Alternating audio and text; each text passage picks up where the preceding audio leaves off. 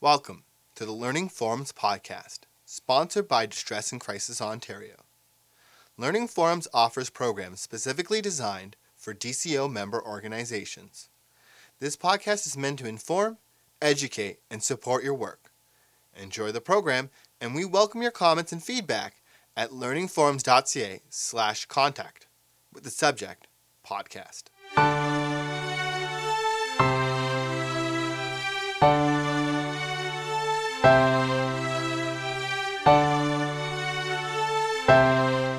My name is Karen Fisher.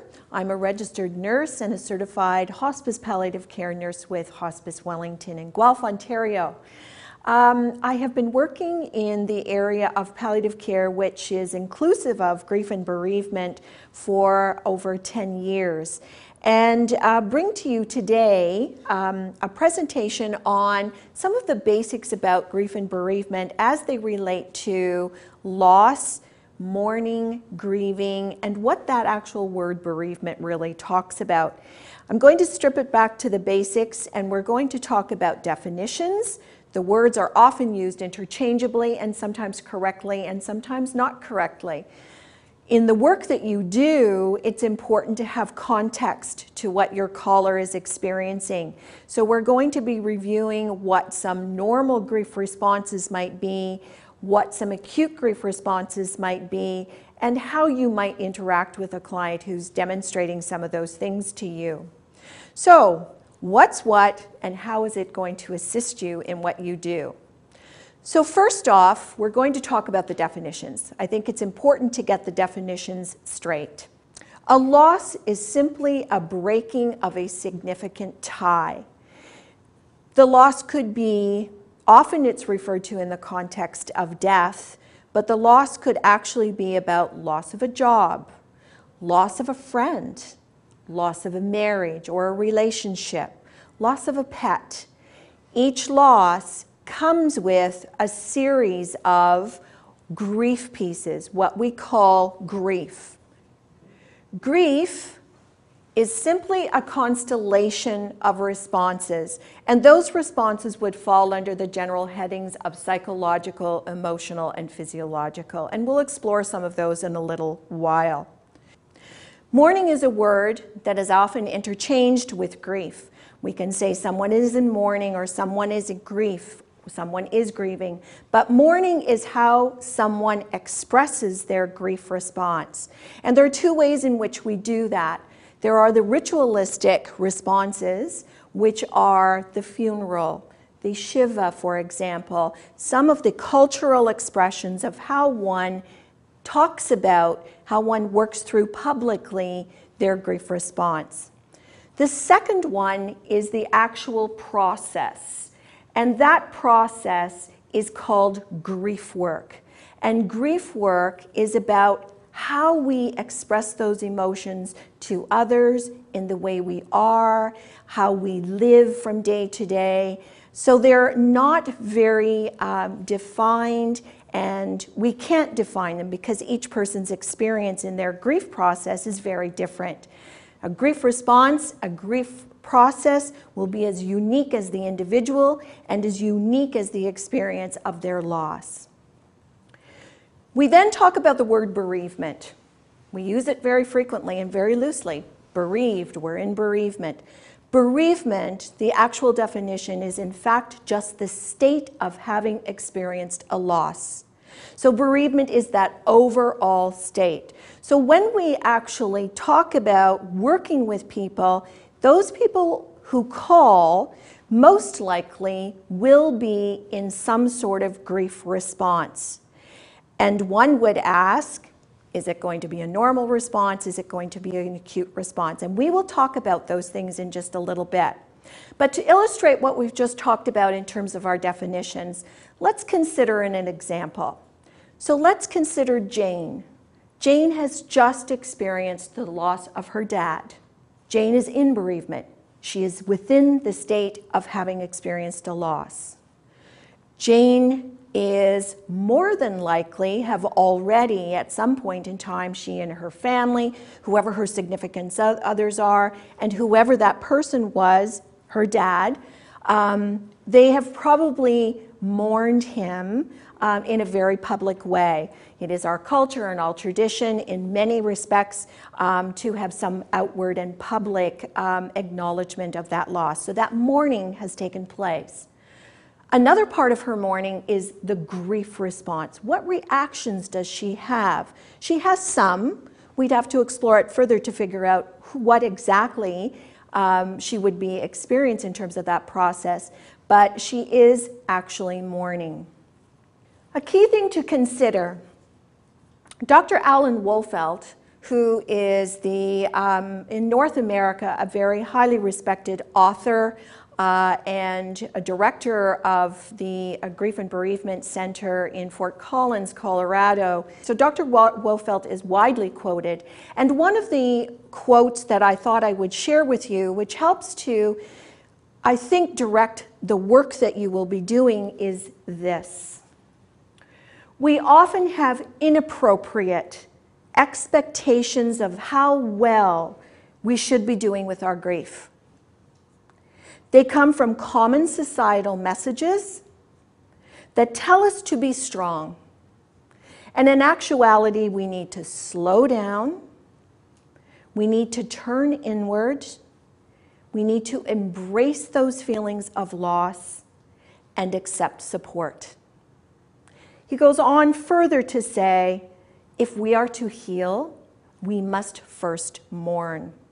So I, am hoping that that simple quote helps to put into context one of the reasons that individuals reach out and need to talk about their grief experience and their loss and seek some support. We can't do that all by ourselves. So, someone who is calling you most likely needs to share that experience. And in a lot of Dr. Wolfelt's work, he talks about those rights that you have. You have a right to talk about it, you have a right to discuss it. Find somebody who understands and let them allow you to share your experience with them without judgment, without trying to make it better, but just simply to express it. Unfortunately, those societal messages become a barometer by which we measure how well we're doing. Someone who is not doing that well may recognize that in themselves. You and the work that you do might benefit from understanding what might be a normal grief response and what might be an acute grief response. And this will help you recognize things in your caller's voice that or your interaction with them that will help you direct some of the responses that you have. One of the important things about our illustration of Jane is we must allow her to use her own words. We must clarify what she's saying and allow her to tell her story. She's got a story. We only know one brief bit of it that her father has passed away, but there's somewhere around that, there's a story. And that's probably why she's getting in touch with you because there's other issues involved. So we have to allow her to do that. We have to validate that those feelings are real, they are honest, and they are true. So, not to diminish, and certainly those societal expectations that we spoke of often come with references to don't worry, it will get better, it's all going to work out. Platitudes which are not helpful and which really diminish the value of what her feelings are. So allow her her feelings in the call. If it is beyond the scope of what you feel prepared to deal with and beyond what you think you might provide as a positive effect for Jane, it would be helpful to refer her on to other services. And if it's an acute situation, which we'll describe in a few minutes, that acute situation might require some intervention by a family physician. It might require, they're already calling into a line where the key art is to listen. They may need some other intervention from um, uh, a professional at that point. So we've talked a lot about normal and we've talked a lot about acute. So let's get down to that. Is there a normal? Grief is normal. Grief is a normal reaction to a loss. So, yes, there is a normal, and that is normal to have grief. So, that can be validated. I think that's important. Grief is the normal process, or grieving is the normal process that we go through when we start to embrace those feelings, embrace that loss that Dr. Wolfelt talked about, because we're not going to feel it all in particular stages. We're not going to feel it um, in some sort of order that someone has predetermined. It's going to be a very mixed bag of reactions. And I think it is key at this point to understand that grieving is a process. It isn't an event. So it doesn't have a timeline, um, and it will take place over a period of time. So, drill down, we're going to talk about grief work process. So, what are some of those normal grief responses? They can be categorized into a couple of different things emotional, physical, behavioral is one, spiritual, and social. So, if we put them into those contexts, there's lots of literature that puts them into different boxes. There's lots of literature that condenses them down to two or three. In actual fact, those are the areas that we're going to talk about because they come with some key descriptors that will really help you identify perhaps where your caller is going to be at that particular moment in time. I think it is also important to not dispel, but to clarify some of what everyone who is involved in some kind of grief work is. There are a lot of significant work out there. Um, from Freud in 1917 when he talked about the stages of mourning to Elizabeth Kubler-Ross who identified five stages or five phases which have been applied to a palliative care client, um, to the work of Lindemann and Bowlby and a couple of others who identified stages and phases. This is not a linear process. There is no step one, step two, step three. In fact, all of that work has been taken into account, and quite simply, we know that everyone most likely will experience bits and pieces of those things, not in some sort of linear fashion, perhaps all at once, perhaps now, delay, and again. So recognizing that they exist but not in how it will happen for the individual. So let's talk about some of those. What would be normal grief reactions?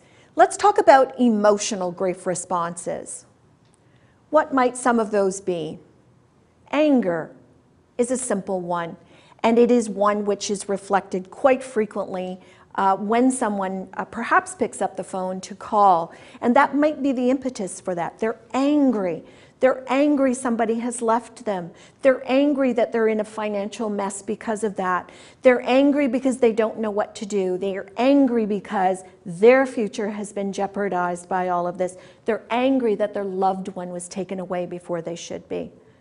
Many, many others. But it's real and it can be very intense. Overwhelming sadness.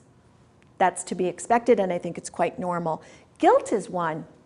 Guilt is had an argument with my loved one uh, the day before they were in a tragic car accident.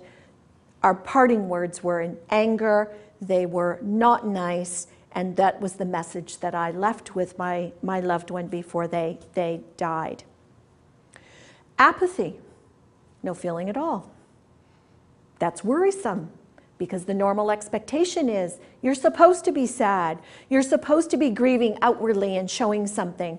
If you're not doing that, there's something wrong with that. But apathy is one of those normal grief responses. Anxiety, high anxiety for any number of reasons, some of which are similar to those of anger. Relief. Relief is a normal emotional grief response. Lots of people feel guilty about that. So I'm relieved. I'm relieved that this person or thing is now gone from my life for any number of reasons, all of which could be considered to be normal. People are in distress over that fact. Another one is withdrawal. People will withdraw. They don't understand or know how to cope with a lot of those feelings.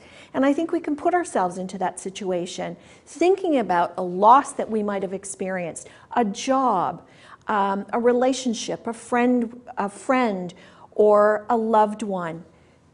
Sometimes it's overwhelming, so to withdraw seems to be the easiest recourse, and we're worried because those societal expectations are that we don't do that, and there must be something very wrong with you and how you're coping with this.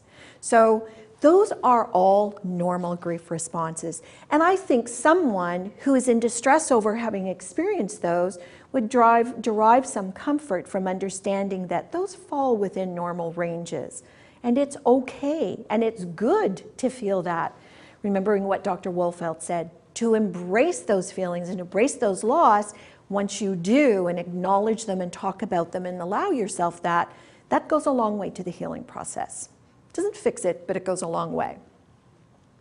So, physical responses. Often people don't consider the fact that there are physical responses to grief and grieving. What might some of those be? Eating too much or eating too little. It happens depending on your physiology, which is response that you actually experience. Um, and those things are very normal. We talk about aches and pains and flu like symptoms, take person to their bed, and they just don't feel right, they don't feel well, all within normal range to be expected for a period of time. Insomnia, can't sleep, mind is too busy, doesn't shut off, it becomes full of ideas and ideations, again within normal range. As a result of that and many other things, fatigue, feeling like you can't get through your day, like you've got this wet blanket all over you, again, a normal physiological response. Listlessness, restlessness, all fall within those categories. And as a result of a lot of that, lots of people have a lowered immunity system, so they're going to catch a cold.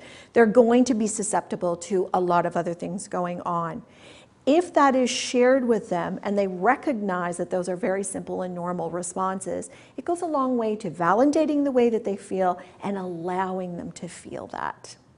When we look at behavioral, I think those are some of the things that are uh, easy to understand and see. Forgetfulness. How many times have you heard somebody say, I can't remember anything anymore? I sometimes can't remember why I went to the next room. Short attention span, difficulty in concentration, all normal behavioral responses to a loss and to the grieving as a part of the grieving process. Emptiness. I think we've heard that word. I feel so empty.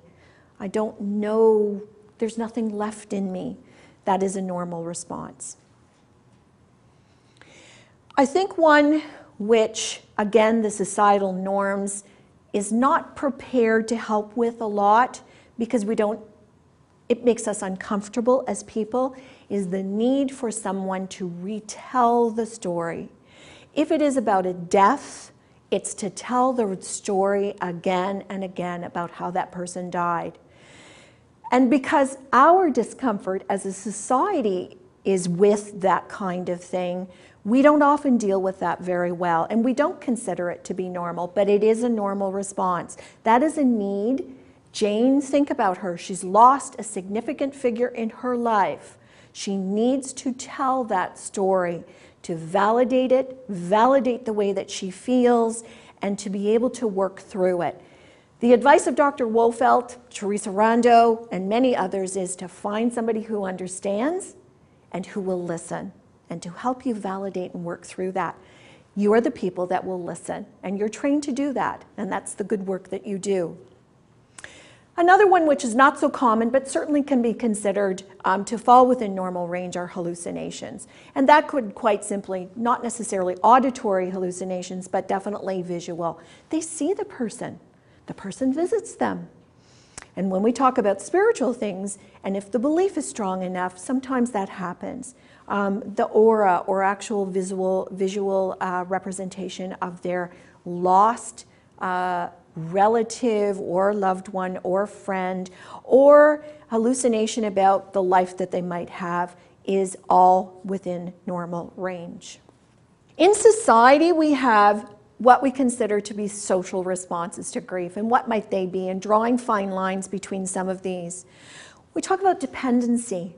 So, someone who has in a relationship or in a job, for example, where it's now not there, their world was attached to that. Their identity was attached to that. So the dependency shifts and moves to somebody else. Difficult to become their own person in that regard. So they need help with that. Avoidance again and withdrawal again. They fall into the same sort of category. Hyperactivity or underactivity. So we talked about fatigue. Fatigue can just make you not want to do anything. Hyperactivity, on the other hand, someone who is busy all the time. I must keep myself busy. It's, it helps me not think about my situation. It helps me not face and embrace those losses and move forward because they're afraid and maybe they don't have someone to talk to about it. Maybe they don't have someone who can listen, be understanding, be empathetic, and let them talk it all out. Projecting. They might project some of their feelings onto somebody else and associate their loss to someone else, avoiding their own pain. It's easier to do that sometimes. Um, obviously, relationship difficulties, and I think we can all think of examples where um, a relationship will suffer after, particularly, the death of someone who is um, integral to a family unit or to a social unit, um, there can be difficulties in the relationships that remain because that person was central to that unit, and that's hard to work through. Obviously, lower self esteem. If you take all of those things, somebody might lose their confidence, they might lose their path, they might lose a sense of who they are because that loss has been so uh, extreme. Spiritual, um, doubting. How could this possibly happen? How could this person be taken away? They were a good person. I don't understand that. I've lost my faith in God. I've lost my faith in, in my religion. I've lost faith. So they doubt how could this possibly happen? That's difficult to deal with, but recognizing that that's a normal response, I think helps you let them talk it through. Questioning why? The big question, why? Questioning, questioning, questioning. Not so sure that there's an answer to that. But again, allowing them to talk it out and work it through and just embrace that loss. And somewhere along the line, perhaps the question will not be answered, but the need to answer it may become less and less. Again, feelings of betrayal, disappointment, lots of anger in there. Um, those are all normal responses. Preoccupation with their own death. So, somebody has passed away. I never really thought, and perhaps it's a contemporary. Perhaps it's someone younger than you are. All of a sudden, you become sort of preoccupied. Well, oh my goodness, I think you know there's got to be something wrong with me. Uh, that preoccupation could overtake and become the focal point of how they're directing out their grief. And again, visual and auditory processes that might be going on in the spiritual sense. So they actually may see um, uh, messages from various individuals. I think that might be slightly concerning, although it does fall within normal ranges of grief responses. I think that might be something you might want to direct on to a professional. So, out of this, what are the key concepts? There are key concepts that we have to take in mind. It's not a linear process. This is not an event. It's not going to happen like this go through this phase to this phase to this phase. There's going to be up and down and all over. And one thing we need to talk about here is um, the definition of a grief burst or a grief attack. And again, this is very normal and might be the impetus for somebody to call you. A grief burst is when all of those things the spiritual, the questioning, the emotional, the social all of those collide and they become overwhelming to the point where nobody can cope with it. And that's normal. And that happens to a lot of individuals. So that grief burst may be the moment that they decide to seek the support of somebody else. It's a constellation. of processes and responses. If the loss is a death, call it a death. Don't talk around that. It isn't a passing, it isn't moving on. It is a death. And it's good to put a word to it because the person who may be calling you probably can't do that. And that's part of that embracing the loss. We talk a lot about the loss, and if it's a death, we need to name that appropriately. Every person is unique. So, similar situations, somebody could have lost somebody in their life. They could have lost their job after 25 years. How they're going to manage that, how they're going to cope with that is very different each one of us is a unique person and will experience it in unique ways. So even though the circumstances may be same, the responses back and the questions to you will be quite different. So we talked a little bit about normal. Now we're going to define what might be acute. And acute is, we've called it complicated grief, we call it delayed grief. Acute grief is something that is hyper intense. Take all of those normal responses, sort of jack it up a little bit, and you've got a hyper intense response that really puts someone spiraling out of control and they can't cope. So it's called a lot of things, um, but the fact is, is we need to recognize if our caller is in fact in this particular mode versus in a normal mode, and what makes that different. They get stuck there. So it's beyond a grief burst. It's stuck in a place for a long period of time and they're not demonstrating some of those other grief responses. So I think that would be a clue as to the fact that they're in this particular mode. Why would someone experience an acute grief response? There are circumstances around that. The acute grief response could come from, quite simply, poor coping mechanisms. This individual doesn't have good coping mechanisms at the best of times. They've suffered a loss of some sort of thing. So, acute will probably be the way that they present, only from the fact that even normal day um, challenges, normal day uh, activities are a challenge for them because their coping mechanisms are not developed. They may not have a social system that allows them the, the support that they need when they've suffered some sort of loss. Those kinds of circumstances. They're isolated. So they're isolated in a rural area versus being within an urban environment where there are lots of resources. They don't have a lot of resources. So their grief responses are exasperated because there's little support and they feel like they might be spiraling out of control. Also, there would be the situation where the circumstances are quite traumatic um, around the loss, whatever that loss happens to be. And I think death probably comes to mind. Um, the result of a suicide, death as a result of a traumatic car accident, or something which, layered on top of a loss, there is a traumatic circumstance around it. So, some of those normal or defined acute grief responses take the form of physical distress. Um, we talked about overeating or not eating enough. The extreme would happen. Someone would become anorexic, for example, or they would um, be eating out of control. Um, we talk about things like tightness in the chest, which extends for a period of time with no physiological uh, underlying cause. We talk about shortness of breath hyperventilation, those kinds of physical responses are actually quite real when someone is experiencing an acute grief response. Again, preoccupation with the image of the deceased person, pictures everywhere, shrines, um, which in normal circumstances it isn't uncustomary and certainly would be something that we would want to recommend that uh, you don't wipe that person out of your life by removing pictures, but it's when they're added to the extreme and there are uh, sort of small uh, shrine areas where uh, the individual becomes preoccupied with that.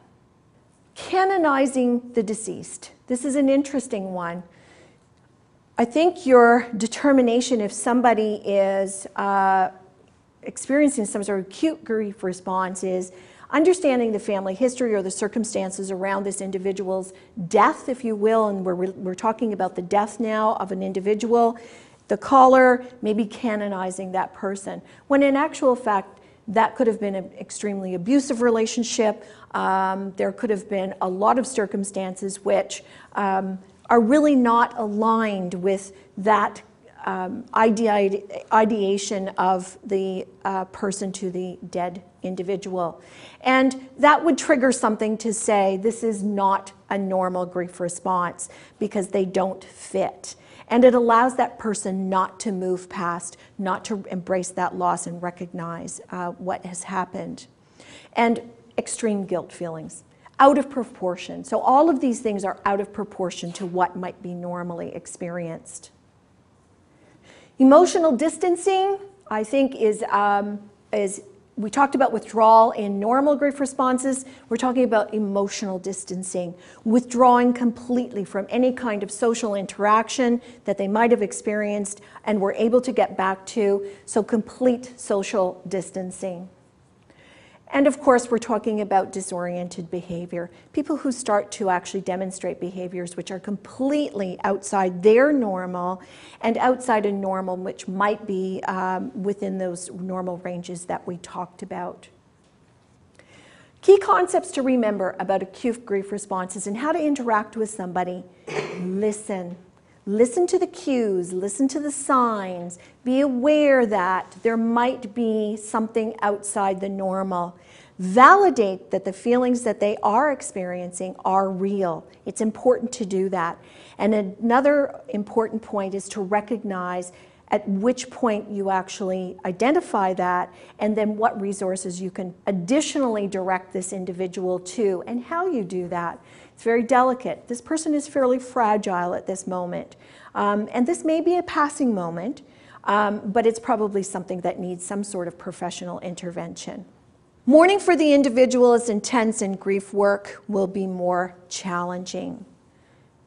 Karen, my question is Would there be a difference in the strategy of how you support a person who is grieving over the loss of a spouse versus the loss of a child? I think, in the context that we're looking at this, the process remains the same. Their uniqueness, and not only who they are as an individual, but in their individual losses will be what determines where it goes from.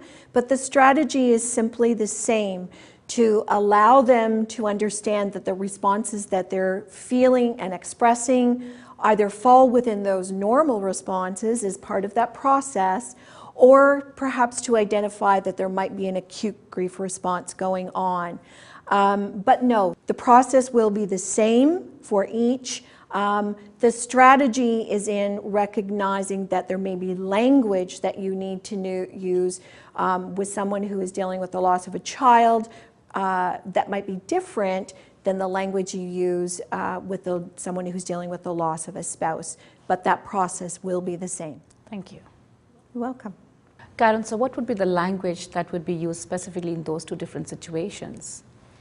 I think the language is not in terminology, the language is in approach. Um, if you're asking or dealing with someone who has experienced the loss of a child, it's important to have them talk about that child. Um, how old was the child? Were they part of a larger family? Did they have siblings? Were they an only child? So it's specific to that. Um, so it's not about terminology as much as about context. Whereas the other example you gave, which was the loss of a spouse, what was your relationship with your spouse? How long had you been together? Was it happy? Was it not? Um, tell me about that. How did you meet? So the language is about context and about the story. And we talked about the need for Jane to tell her story, so that language is about that story. So I'm going to leave you with and I will read these. From Dr. Alan Wolfelt. He has a wonderful book that gives individuals that encouragement that they need in simple, everyday language. Hints about how to get through this time in your life, which may extend for many weeks or months. Um, And I think it's important to pass this on to the individual to know that there are needs in mourning. So he identifies them as the six needs of mourning. Acknowledge the loss. It's important for you to be able to get the individual to acknowledge, to say it out loud someone important to me has died. I have lost my meaning for being, which is my job. I have lost the respect of my colleagues. I have lost something. It's important to acknowledge it and important to embrace that pain, to say out loud, I'm hurting. I'm hurting in any number of ways. And, and, and allow that to happen and ignore those societal messages that say, you have to put it a little bit at bay. Remembering the person or the thing that you have lost. Remember them. Don't put them away. Keep them part of who you are. They are part of who you are. And to try to erase that, which is sometimes a mechanism that people use, doesn't work because they're there and they are part of who you are. Develop a new self identity. You are different. This individual will be different. They're no longer tied to this particular thing or this person, and so therefore their self identity changes. Searching for meaning. Searching for meaning is really important, but not to the extreme that you will ever answer the question why, because there is no answer to that question. But meaning. Does this mean something in the big scheme of things, and how can I make it mean? And lastly, he talks about accepting and receiving ongoing support. You are that support. In the work that you do, they have sought you out, they have called you, or they've come to see you in your work. And allowing them the opportunity to say, that's good, it's healthy, it's normal, and I need it. And thank you very much for it. Another quote, again by Dr. Alan Wolfelt, is what I will leave you with. Grief teaches us the importance of remembering the past, living in the present, and embracing the future. And in the work that you do, you can help people achieve that. And that is a happy place to be. It's a comfortable place to be.